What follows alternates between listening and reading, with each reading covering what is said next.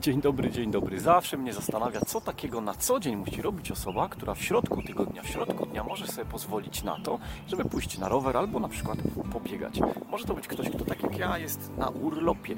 Może to być emeryt, może to być osoba bezrobotna, a wreszcie może to być rentier. Tylko co takiego musiałby zrobić rentier, żeby nie zajmować się na co dzień swoimi nieruchomościami?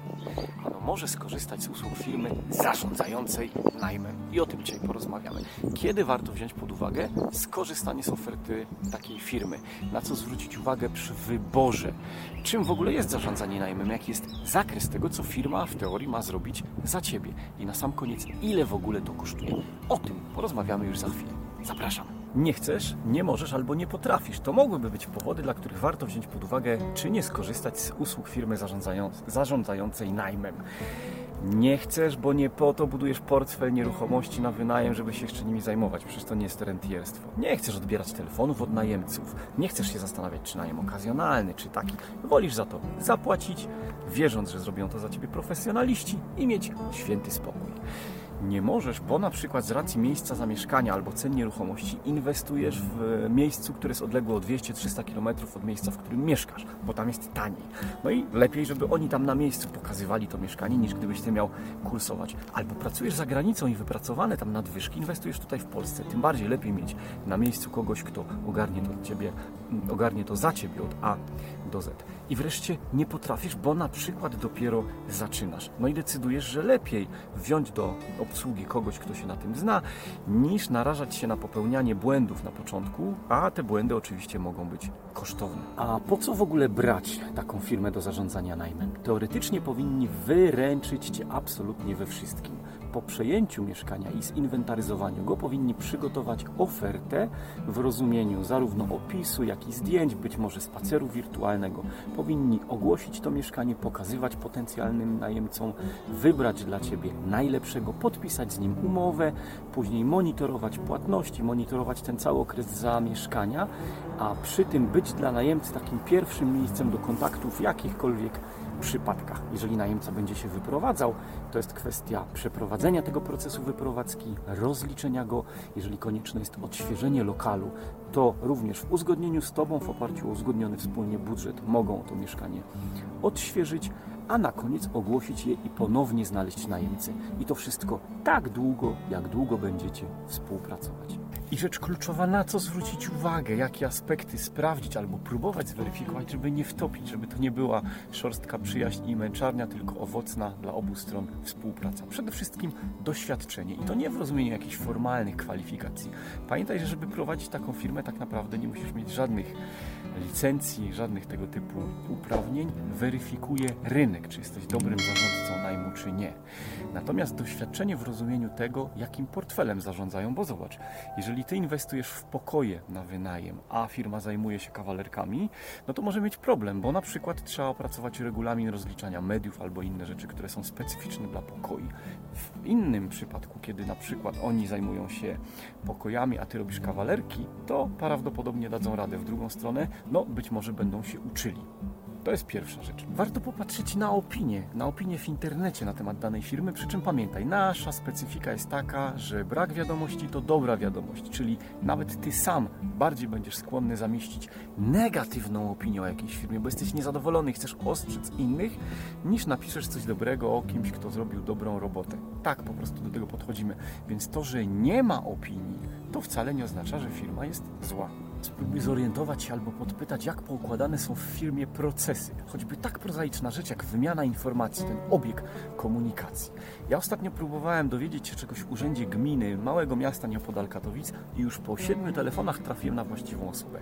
Jeżeli ty będziesz musiał wydzwaniać w pięć różnych miejsc, żeby dowiedzieć się, czy twoje mieszkanie zostało wynajęte, albo będziesz odsyłany do jakiegoś mitycznego biura obsługi klienta, to może nie być dobry sygnał na przyszłość. Oczywiście bardzo ważne jest sprawdzenie zakresu, czyli za co odpowiada firma i ten zakres musi być wpisany do umowy. Warto popytać jeszcze o takie elementy, jak na przykład firma szuka dla Ciebie najemcy, w jaki sposób go weryfikuje, czy tam jest jakaś procedura, czy po prostu na piękne oczy, ten nam się podoba, wygląda, że będzie płacił. Kolejna rzecz, jak działają w sytuacjach podbramkowych, kiedy na przykład występuje opóźnienie w płatnościach, albo wręcz nie ma tej płatności.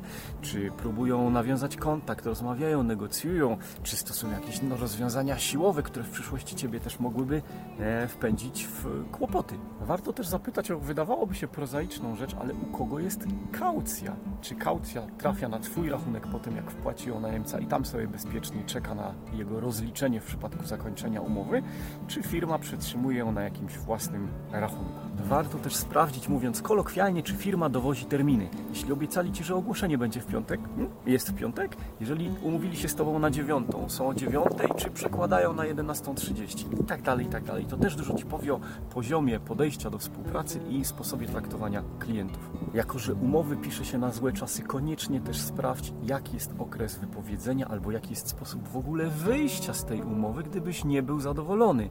Czy to jest czas określony i będziecie się musieli wspólnie męczyć do końca tej umowy, czy możesz w przypadku, gdybyś nie był zadowolony z jakości świadczonych usług, po prostu pożegnać się z daną firmą. A najlepszym sposobem na weryfikację sposobu działania jest po prostu złapanie za słuchawki i zadzwonienie do tej firmy jako klient, który chce wynająć mieszkanie.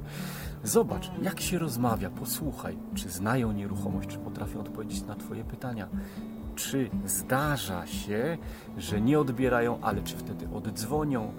Będziesz dokładnie wiedział wówczas, w jaki sposób potraktują Twojego klienta. Za chwilę porozmawiamy też o kosztach, czyli ile kosztuje usługa zarządzania najmem, ale sprawdź również, kiedy płacisz. Czy na przykład w momencie, kiedy mieszkanie jest niewynajęte, masz tak zwany pustostan i ty nie masz przychodów z tytułu jego wynajmu, czy musisz na rzecz tej firmy ponosić jakiekolwiek opłaty? No to jeszcze dla pełnego obrazu zostaje nam ostatni element układanki, czyli ile to wszystko kosztuje. Standard rynkowy jest taki, że jest to stawka procentowa od kwoty czynszu najmu. Przy czym pamiętaj, od czynszu najmu zwanego potocznie odstępnym, czyli od tego, co trafia do Twojej kieszeni. Gdyby firma chciała brać ten procent od całości kwoty, czyli od tego, co najemca płaci Tobie, administracji, jeszcze dostawcom mediów, na to się nie godzi. To jest pierwsza rzecz. Druga kwestia, którą wa warto sprawdzić, czy są jakieś dodatkowe opłaty. Czasem to jest tylko ta stawka procentowa i nic więcej. Czasem pojawiają się jeszcze dodatkowe opłaty, na przykład za przejęcie mieszkania w zarządzanie albo za znalezienie najemcy. Kluczowe z mojego punktu widzenia jest to, żeby sobie sprawdzić, czy firma pobiera opłatę od najemcy. Dlaczego? Dlatego, że czasem robisz re research na rynku i może się okazać, że ci chcą 17%, ci 16%, a tu jest firma, która bierze tylko 12% ale deal, od razu byś podpisał umowę z tą firmą. Ale potem się okazuje, jak doczytasz umowę, a jak nie doczytasz, to się okaże dopiero później, że ta firma bierze jeszcze e, ekwiwalent, równowartość jednego czynszu najmu od najemcy. No i teraz sam się zastanów, jeżeli masz świadomość, że mieszkań na rynku dostępnych jest bardzo dużo i podpisując umowę masz do zapłacenia kaucję, czynsz najmu za miesiąc z góry i jeszcze dodatkową prowizję będącą opłatą dla tej firmy, która zarządza najmem, albo możesz tej opłaty nie ponosić i zapłacisz tylko kaucję i czynsz najmu za pierwszy miesiąc, to sam wiesz dokładnie, którą ofertę byś wybrał. Moim zdaniem takie rozwiązanie, że firma zarządzająca najmem pobiera opłatę za wynajęcie mieszkania od najemcy jest słaba i automatycznie zawęża to pole dostępnych najemców. Jeżeli mówimy o dodatkowych opłatach, to warto też podpytać, czy firma przerzuca na ciebie jeszcze jakieś inne koszty. Banki szukają teraz pieniędzy, więc każdy przelew jest płatny. Firma, która zarządza portfelem na przykład 100 mieszkań, może miesięcznie wykonywać nawet i 300-400 różnych przelewów. I teraz jeżeli każdy z takich przelewów kosztuje złoty albo złoty 50, to kto za to płaci? Czy to jest koszt firmy, czy on jest mm, po Twojej stronie i przerzucany, doliczany do Twojej faktury? Jeżeli firma chciałaby przerzucić na Ciebie koszt na przykład przelewów bankowych albo utrzymania odrębnego rachunku, przy pomocy którego Twoje nieruchomości są rozliczane, zapytaj też, co z kosztem ogłaszania tego mieszkania. To jest jakieś 50 zł wystawienie ogłoszenia. Czy ten koszt jest kosztem firmy, czy znowu gdzieś Ty będziesz musiał za mm, takie ogłoszenie zapłacić i o tym nie wiesz. Warto też sprawdzić, co w przypadku, kiedy mieszkanie nie pracuje, kiedy masz tak zwany pustostan. Czy płacisz wtedy jakąkolwiek opłatę za zarządzanie najmem, skoro firma no, stara się je wynająć, ale de facto najmem nie zarządza? Uważam, że ofertą fair jest taka, kiedy w momencie, gdy Ty nie zarabiasz, nie zarabia też firma. To dzięki temu oni będą mieli większą motywację, żeby Twoje mieszkanie wynająć, bo jak ono stoi puste, no to oni też nie mają z tego tytułu żadnych mm, przychodów. A próbując doprecyzować składki, bo na razie posługujemy się tajemniczym określeniem procent od czynszu najmu. Standardowa, taka bardzo rynkowa na dzień dzisiejszy stawka to będzie 15% od czynszu najmu w przypadku zarządzania pojedynczym mieszkaniem. To może być ciut mniej, to może być ciut więcej, to może być obudowane jakimiś opłatami dodatkowymi, albo to będzie wstała płaska stawka, gdzie tych opłat dodatkowych już nie ma. Ale 15% na rok 2021 przyjąłbym, że jest rynkową stawką i ona się będzie prawdopodobnie zwiększać. Czyli jeżeli Twoje mieszkanie jest do wynajęcia za 1000 zł czynszu najmu, no to opłata za zarządzanie najmem w przypadku takiego mieszkania, jak łatwo policzyć, to będzie 150 zł. A co w przypadku mieszkań wynajmowanych na pokoje? Te stawki zazwyczaj są ciut wyższe i uważam, że 20% przy mm, najmie mieszkań, z- które są podzielone na pokoje, to jest bardzo mm, adekwatna stawka do tego ogromu pracy, jaki trzeba w to zarządzanie najmem włożyć. Może Ci się wydawać, jeśli patrzysz z boku, że ta firma, która zarządza najmem, no się nie narobi. Ale prawda jest taka, że mieszkanie, w którym Ty masz pięć pokoi, to oznacza czasem taki zakres pracy, jak przy pięciu pojedynczych kawalerkach. Spotkałem się też z taką ofertą, że zarządzanie mieszkaniem, które jest podzielone na pokoje, to jest stawka na przykład 20%, nie mniej niż 100 zł.